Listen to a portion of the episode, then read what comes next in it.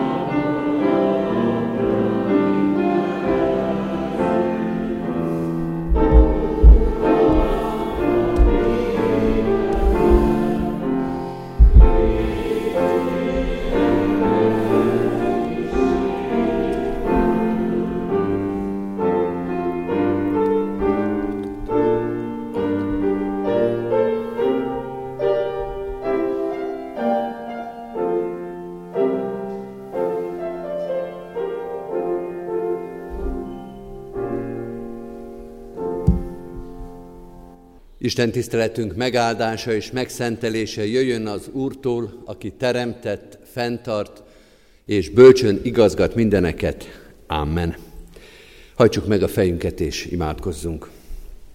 Urunk, az egész életünkre és az egész világra is azt kérjük, hogy Te kormányozd, vezest bölcsen, oltalmazó, irgalmas szeretetedből, de ugyanezt kérjük a ma estére és erre a három napra is, hogy segíts nekünk fölkészülni az úrvacsorai közösségre, vagy fordítva, segíts elkerülni azt, hogy csak úgy beesünk az úrvacsorára, hogy felkészületlenül, átgondolatlanul, rutinból, mint egy természetes kellékként vegyük azt, hogy Te megosztod velünk a kenyeret.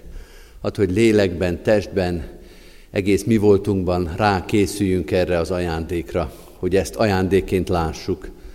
Ajándékként azt, hogy ebben a gyülekezetben évente tizenkétszer asztalt terítesz nekünk, hogy ez újra és újra megerősít, hogy nem kell hónapokat, heteket várni az úrvacsorára, hanem itt van az újra és újra. Ez a mi kiváltságunk. Olyan sokan vannak most is, ebben a pillanatban is, a világban, akik el vannak zárva ettől, a megterített asztaltól. A háború, a menekülés, a szükség, a felfordulás elzárja őket attól a nyugodt és békés lehetőségtől, hogy rászánjuk a veled való közösségre az órákat, az alkalmakat, felkészülő istentiszteleteket és ünnepi istentiszteleteket. Ajándék és kiváltság ez itt, ebben a gyülekezetben és ebben az országban is, hogy nyugalomban és békességben várhatjuk az ünnepet, nem csak most ezt a vasárnapot, de majd a húsvétot, a pünkösdöt, a karácsonyt, ugye így várhatjuk. Urunk, erősíts meg minket, oltalmazd meg az országunkat, közösségeinket, hogy ezzel a kiváltsággal élhessünk, és odaállhassunk eléd. Tisztíts meg minket, hogyha kívül békesség van, akkor lehessen belül is nyugalom és megbocsátás és megengesztelődés és lelki békesség. Így várjuk a kenyeret és a bort. Erre készíts most is, erre erősíts most is, igéd és szent lelked által. Amen. Kedves testvérek, Isten igéjét ezen a mai estén Lukács evangéliumából olvasom a 22. részből, a 39. verstől a 46. versig. Lukács 22. 39-től olvasom Isten igéjét. Ezután eltávoztak onnan, és szokása szerint az olajfák hegyére ment. Követték a tanítványai is. Mikor pedig odaért, így szólt hozzájuk, imádkozzatok, hogy kísértésbe ne essetek. Azután eltávozott tőlük, mint egy kőhajításnyira, és térdre, térdre borulva így imádkozott, Atyám, ha akarod, vedd el tőlem ezt a poharat, mindazonáltal ne az én akaratom legyen meg, hanem a tiéd. Ekkor angyal jelent meg neki a mennyből, hogy erősítse őt halálos gyötrődésben még kitartóbban imádkozott, és verejtéke olyan volt, mint a földre hulló nagy vércseppek. Amikor az imádkozás után felkelt, oda ment tanítványaihoz, és látta, hogy a szomorúságtól kimerülve alszanak. Akkor így szólt hozzájuk, miért alusztok? Keljetek fel, és imádkozzatok, hogy kísértésbe ne essetek. Kedves testvérek, az úrvacsorai alkalomra készülve ezen a héten a tanítványokról olvasunk egy-egy igét, a napi igét mindig Lukács evangéliumának a 22. részéből, ahogy most is olvastuk. A fogadkozó, az alvó és az áruló tanítványok jelennek meg előttünk. Lukács 22-ből olvassuk őket, ezt csak azért hangsúlyozom, mert volt már, aki humorosan összekapcsolta a címeket az ige hirdetőkkel, hogy Nándi a fogadkozó, én az alvó, a püspök úr meg, de nem is folytatom, szóval nem erről van. Szóval ez ott akkor történt, de amit ott akkor olvasunk, az segít nekünk, hogy itt és most megértsük, hogy mi hogyan éljük meg a tanítványainkat, tanítványságunkat. Tehát itt és most mit mond nekünk az a történet, amely ott és akkor fogadkozó, alvó és áruló tanítványokat látott. Lukács 22, 39-től 46-ig, ezt hallottuk ezt az igét, de én most hozzáolvasok még egy igét a Zsoltárok könyvéből, ez pedig a 127. Zsoltárnak a második verse, ezt is ismerjük, ez így hangzik, de akit az Úr szeret, annak álmában is ad eleget. Ez vicces, kedves testvérek, mert ez is egy ismert ige, és biztos észrevettük, hogy egy szó összeköti ezt a két történetet, ez pedig az alvás. Nem zsonglőrködésre készülök most, hogy egymáshoz összenem, vagy egymásra nem illő igéket vetítsünk egymásra, összefüggésbe hozzuk azt, ami nincsen összefüggésben, mert nem arról szól. A textusunk, amiről beszélni fogunk, az marad a Lukács 22, a tanítványoknak a Gecsemáné történetben való viselkedése, de még így is érdekes mellé tenni egy másik bibliai igét. Olyan ez, mint amikor van egy tárgyunk, mondjuk egy szobor, amit leteszünk, ismerjük is, már sokszor megnéztük, de mellé teszünk mellé, vagy fölé, vagy alá egy reflektort, és hirtelen bekapcsoljuk a lámpát, és ugyanaz a szobor, ugyanaz a plastikus tárgy, amit idáig ismertünk, fölismertünk, egyszerre más képet fog mutatni, vagy olyan súlypontok, olyan vonalak, kontúrok jelennek meg az oldal, vagy a föntről jövő fény miatt, ami idáig nem volt annyira érdekes, vagy, vagy nem volt annyira jellemző, és lehet, hogy nem is jellemző magára az igére, mégis az egészet jobban meglátjuk, jobban megértjük, megismerjük, hogyha különböző szempontokból ránézünk. Érdekes játék így egy szobrot vagy egy tárgyat oldalról megvilágítani. És érdekes a 127. Zsoltárt is felolvasni a Lukács 22 után, mert kedves testvérek, mégiscsak arról van szó, hogy az történik a Lukács 22-ben, amiről a Zsoltár beszél. Akiket az Úr szeret, azoknak álmában is ad eleget. Tényleg ez történik. Amíg a tanítványok alszanak, addig Jézus Krisztus eleget tesz értük. Addig Jézus Krisztus megváltja őket. Ez egy ez egy altatásban végzett műtét. Akkor is, hogyha az az altatás, az nem az az alvás, amiről itt van szó. Ha ez a téma valakit bővebben érdekel, akkor kérdezze Imre Mihály testvérünket, mit jelent az altatásba végzett műtét. De hogy akár mennyire is csűrük, csavarjuk itt a szót, amiközben a tanítványok elalszanak, passzívak, semmit nem tudnak tenni, addig Krisztus, hát bizonyos értelemben le Végig viszi ezt a küzdelmet. A 127. Zsoltár önmagában az Isten áldásáról szól. Arról, hogy Isten áldása és kedvessége bőségesebb és gazdagabb, mint amit mi bármit inkor el tudnánk kérni, hogy csak vele, csak az ő áldásával érdemes bármilyen munkához hozzáfogni. A Lukács 22 az nem a gondviselésről meg az áldásról szól, az a megváltásról szól, a Krisztus engesztelő áldozatáról, és mégis talán véletlenül, de igaz a Zsoltárnak ez a mondata arra, ami történik, akár mennyire is vicces vagy szégyelni való az, ahogy a tanítványok működnek. Főleg akkor lesz érdekes, ha belegondolunk, hogyha a tanítványok ébren maradtak volna. Ha a tanítványok végig kitartóan imádkoznak, akkor is ez történt volna. Akkor is Krisztus váltotta volna meg őket. Akkor is Krisztus viszi véghez ezt a küzdelmet. Ha ébren lettek volna, akkor se tudtak volna segíteni Krisztusnak.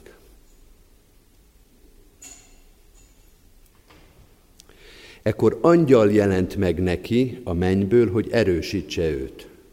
Halálos gyötrődésében még kitartóbban imádkozott, és verejtéke olyan volt, mint a földre hulló nagy vércseppek. Ehhez senki nem tud hozzátenni. Ebbe senki nem tud segíteni.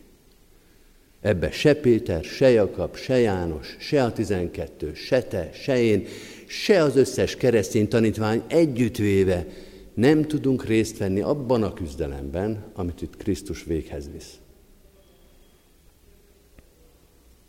A saját terhünket se tudjuk hordozni. Az is egy nagyon szép mondat. Azt, azt olvasok, hogy azt mondja a,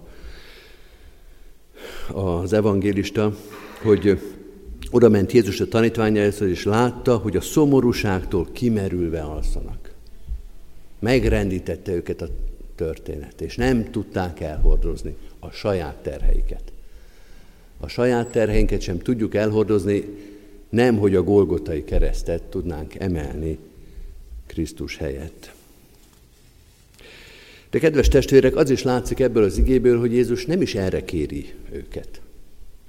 Nem azt kéri tőlük, hogy segítsetek a megváltásba, segítsetek az ördög elleni küzdelembe, hanem azt kéri, azt mondja, kétszer is mondja, hogy imádkozzatok, hogy kísértésben ne essetek. Szó szerint a 40. versben is, meg a 46. is azt mondja. Imádkozzatok, hogy kísértésben ne essetek ti. Nem a megváltás küzdelméről van itt szó, azt Krisztus végzi, hanem a ti saját küzdelmetekről. Amit kétszer is mond Jézus egymás után, az nagyon fontos. De nem tudjuk, hogy milyen kísértésre gondol. Vagy legalábbis nem mondja el itt, hogy miközben folyik a megváltás, folyik a nagy Krisztus esemény, a nagy dráma, aközben a tanítványok, akik ebben a legnagyobb jó indulattal is csak statisztának nevezhetők, hogy ők vajon milyen kísértésbe eshetnének. Például mondhatják azt, hogy hát ezt mi is meg tudtuk volna csinálni. Ez elég bután hangzik, de egyébként Péter ezt mondja, a tegnapi textusban ez volt, Uram, kész vagyok veled meghalni. Én végigcsinálom azt, amit te csinálsz. Ha innen nézzük, akkor ez egy nagy kísértés.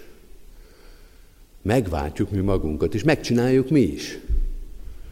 Vagy lehet az is kísértés, hogy ez az egész, amit látunk, ez egy értelmetlen, ostoba, lehetetlen szenvedés. Ez nem történhet meg az Isten fiával. Ezt is mondja Péter. Mentsen Isten, ez nem történhetik meg veled. Erre nincs magyarázat. Ennek nincs semmi értelme. De lehet kísértés az is, hogy látják Krisztusnak a pokoli szenvedését, és azt mondja, hogy ez szörnyű, de ez nem fogja elhordozni a világ bűneit. Ez kevés ahhoz, hogy az egész teremtett világot, ez az emberi szenvedés, amit azért abban az időben sok rabszolgának végig kellett csinálnia. Ilyen szenvedés van. Vérbe fulló, vagy vérbe fürdő emberek látvány, ilyen van. Ez nem fog segíteni az egész teremtettségen. Ez is lehetett volna egy kísértés. Nincs itt leírva, tehát mindez csak spekuláció, de ha Jézus erre hívja fel a figyelmet, akkor ezzel egy dolgot kijelenthetünk, hogy valamilyen kísértés lesz. Valamivel a tanítványoknak is meg kell küzdeni. Úgy is mondhatnánk, hogy aki Krisztus történetéhez közel van, annak lesz ezzel kapcsolatban kísértése. Kicsit furcsa a kép, de a Krisztus közelség az olyan, mint háborúba a reptér mellett lakni, hogy ott biztos lesz bombázás. Van olyan hely, ahol biztos, hogy ki leszünk téve kísértésnek, veszélynek, szorongattatásnak. Jézus Krisztusnak a közelsége, a Krisztusi megváltás az egy ilyen hely. Kísértésekkel teli hely. Kétszer mondja Jézus, hogy imádkozzatok, hogy kísértésben ne essetek. Mind a két, kettőt kétszer mondja. A kísértést is, meg az imádkozzatokat is. Felszólító módban. Úgy is mondhatjuk, hogy azért kellett volna imádkozni a tanítványoknak, mert Jézus azt mondta nekik, hogy imádkozzanak. Nem azért, hogy a megváltásban részt vegyenek, nem tudjuk, hogy milyen kísértés ellen kellett volna, de azt tudjuk, az egyértelmű, hogy Jézus mondta, imádkozzatok. Ez abból a szempontból furcsa, hogy jó lenne tudni, hogy de mit mondjunk, vagy mit kérjünk, vagy mit fogunk hallani. Hogy megközelíthetjük az imádságot ebből az intellektuális, vagy tartalmi szempontból is, hogy az imádság az egy párbeszéd, és ott valaminek el kell hangoznia, vagy valamit meg kell hallania, de hát nem tudjuk, hogy most akkor mit kellene. De az imádságnak van egy kapcsolati része, ahol azt nem tudjuk, hogy mi fog elhangozni, de azt tudjuk, hogy kapcsolatban vagyunk azzal, akihez imádkozunk. Lehet, hogy ezt úgy kellene fordítani, nem annyira nyelvileg, mint inkább lelki értelembe ezt az imádkozzatok szót, hogy maradjatok kapcsolatba az Istennel. Mert ebben a kiélezett helyzetben ez a kapcsolat, ez nagyon fontos, majd el fogja mondani, hogy melyik az a kísértés, amit az előbb nem tudtunk azonosítani, de majd ő fog szólni. Fog mondani valamit, amitől tudtok védekezni talpon tudtok maradni, vagy ha elbuktatok, föl tudtok állni. Csak ehhez az kell, hogy kapcsolatban legyetek. Azért ne aludjatok, mert most ez a kapcsolat különösen fontos. Mint a rádióadóvevő mellett, hogy most ne aludjatok a rádióadóvevő mellett, mert bármelyik pillanatban fontos információ jöhet. Nem azt mondja Jézus, hogy soha nem szabad aludni, de a kiélezett helyzetbe, az éles helyzetbe, a kritikus helyzetbe, és ez most az lesz, most nem szabad aludni, főleg a rádiósnak nem. Főleg, aki a kapcsolatot tartja, annak nem. Ne aludjatok, hanem nagyon erősen figyeljetek arra, aki kellő pillanatban, kellő helyzetben el fogja mondani, hogy mit tegyetek. Kedves testvérek, az alvó tanítványok története az nem egy dicsőség történet a tanítványokra nézve, inkább a szégyenről, meg inkább a gyengeségről szól, a tanítványok gyengeségéről. Ugyanakkor lássunk tisztán, a Krisztus történet éppen azért történik meg, éppen azért jön el, hogy ezt a gyengeséget gyógyítsa meg az Isten.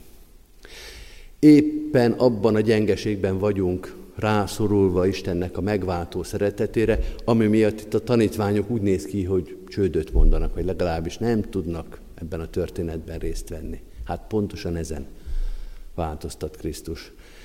Kicsit erőltetett talán, de így is fogalmazhatunk, hogy Jézus Krisztus éppen azért jött, hogy a tanítványai nyugodtan aludhassanak. Majd ott fönn is, de még itt is a földi életünkbe. Hajtsuk meg a fejünket, és Imádkozzunk ezért. Menjél, atyánk, bocsáss meg, hogyha sokszor úgy alszunk el, hogy pedig feladatunk lenne, pedig szolgálnunk kellene, pedig imádkoznunk kellene. Bocsáss meg, hogyha ha az álmunk nem nyugodt, ha félelmek, szomorúságok, szenvedések fárasztanak el, bódult álomba hullunk, ahelyett, hogy szabad lelkismerettel és tiszta szívvel szolgálnánk, dicsőítenénk téged, vinnénk oda közben járó imádságban másokat, kérnénk el az erőt a szolgálathoz egy harmadik helyen. Bocsáss meg, hogyha sokszor nem olyan élő az a kapcsolat, ami közted és köztünk van, mint ahogy az az elhívásunkból és a szolgálatunkból kellene, hogy következzen. Ébresz fel minket ezzel a történettel. Mutass rá, hogyha te azt mondod, hogy imádkoznunk kell, akkor, akkor is ezt tesszük, hogyha akkor is ezt kell tennünk, ha nem is tudjuk pontosan, hogy mit kellene mondanunk. Hogy nyitva van a fülünk arra, hogy meghalljunk, ha te szól, meghalljunk téged, hogyha te szólni akarsz. Hogy jelezzük neked, mint Sámuel, hogy szólj, Uram, mert hallja a te szolgád. Segíts ilyen készenlétben élni az életünket. Hisszük, Urunk, hogy a pihenést, a nyugalmat, azt is kirendeled, de Add, hogy legyünk készek mindig, amikor szolgálatba kell állnunk. A magunk nevében is könyörgünk, de ugyanígy gondolunk a gyülekezetünkre is. Óvj meg minket a lustaságtól, a restségtől, a megfáradástól, az alvó hittől, az alvó állapottól.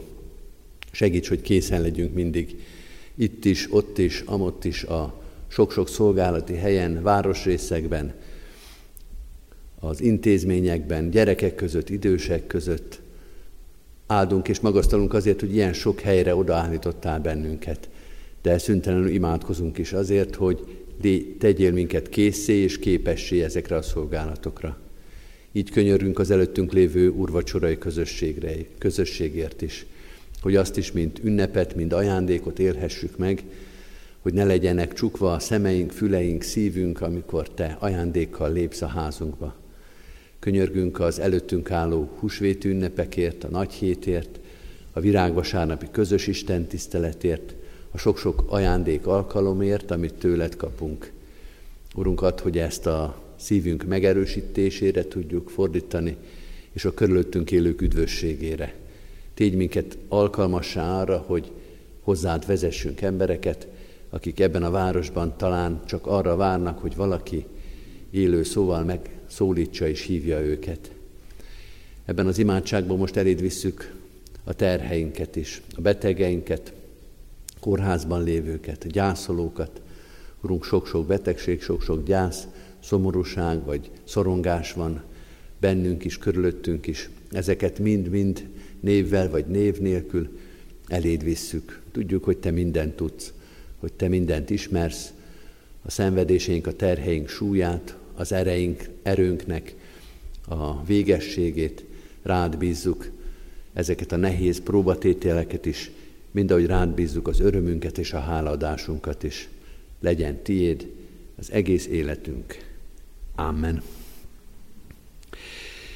Egy rövid csendes percben vigyük Isten elé imádságainkat.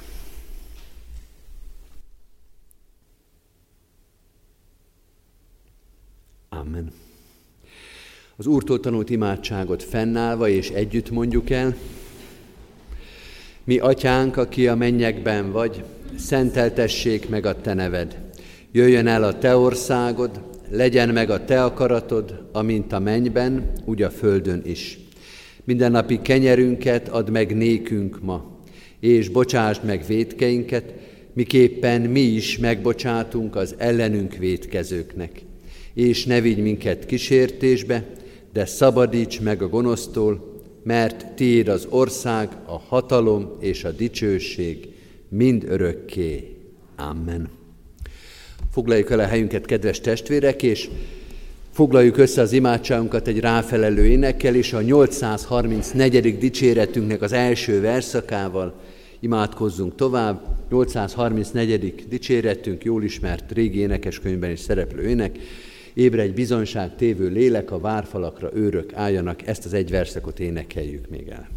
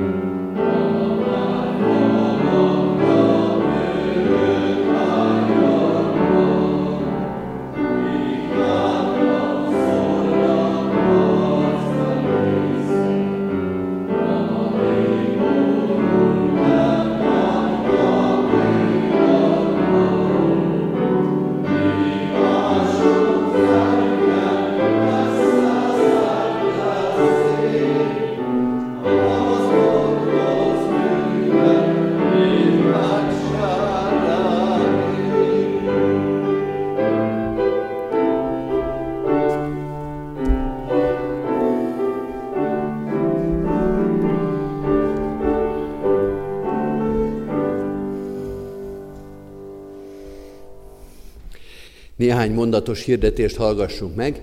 Egyrészt nagy szeretettel hívunk és várunk mindenkit holnap is az úrvacsorára előkészítő sorozatunk harmadik alkalmával, alkalmára. A holnapi napunk sűrű nap lesz, és sok érdekes alkalom lesz benne. Holnap generális vizitációt tart az egyházkerület vezetése Kecskeméten. Az ugyanolyan, mint a kanonika vizitáció, minden évben a gyülekezeteket meglátogatja a fokozatos egyházi testület. Általában az egyház megye küldöttsége érkezik a gyülekezetekben, ezt hívják vizit, általában vizitációnak, kanonika vizitációnak, de 5-6-8-10 évente az egyház kerület is meglátogat gyülekezeteket, illetve folyamatosan, de 5-6-8 évente vagy 10 évente a gyülekezetekre így is sor kerül, és most az egyház kerület vezetése fog érkezni, Balogh Zoltán püspök ő is lesz az ige hirdetőnk holnap. De már a küldöttség megérkezik délután kettőkor, először megyünk ki a Széchenyi városba megnézni a reménybeli új templomnak a helyét, ami ugye egy kerület által is támogatott, és majd általuk is reménység szerint dotált templomépítés lesz.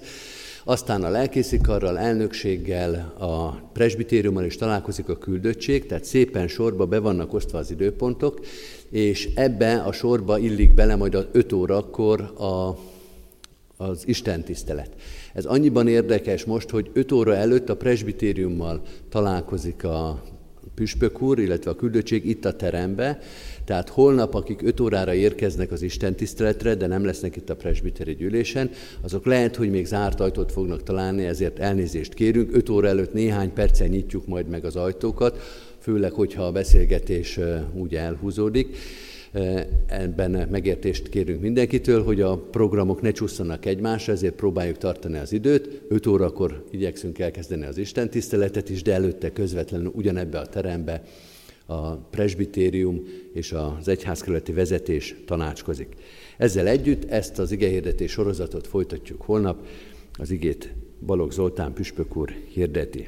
Vasárnap pedig, ahogy a sorozat készít minket, az Isten tiszteleteinken, urvacsorai alkalmakra hívjuk és várjuk a gyülekezet tagjait.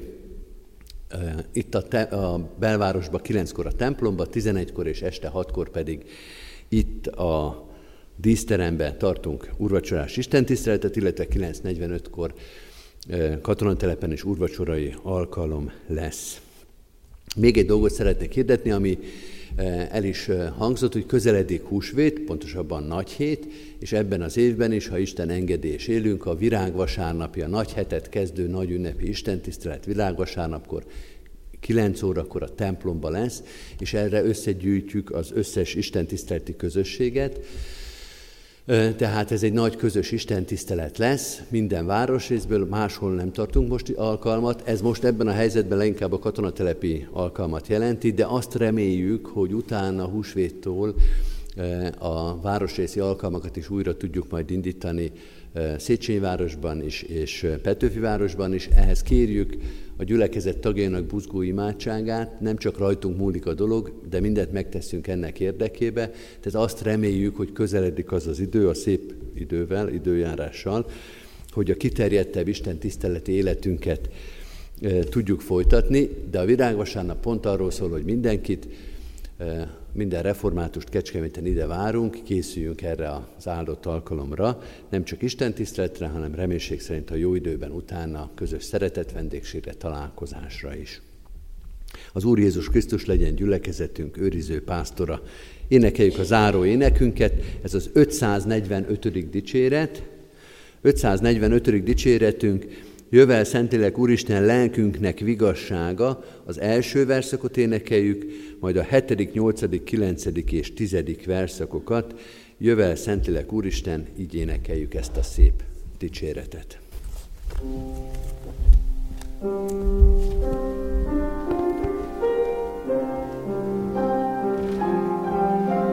you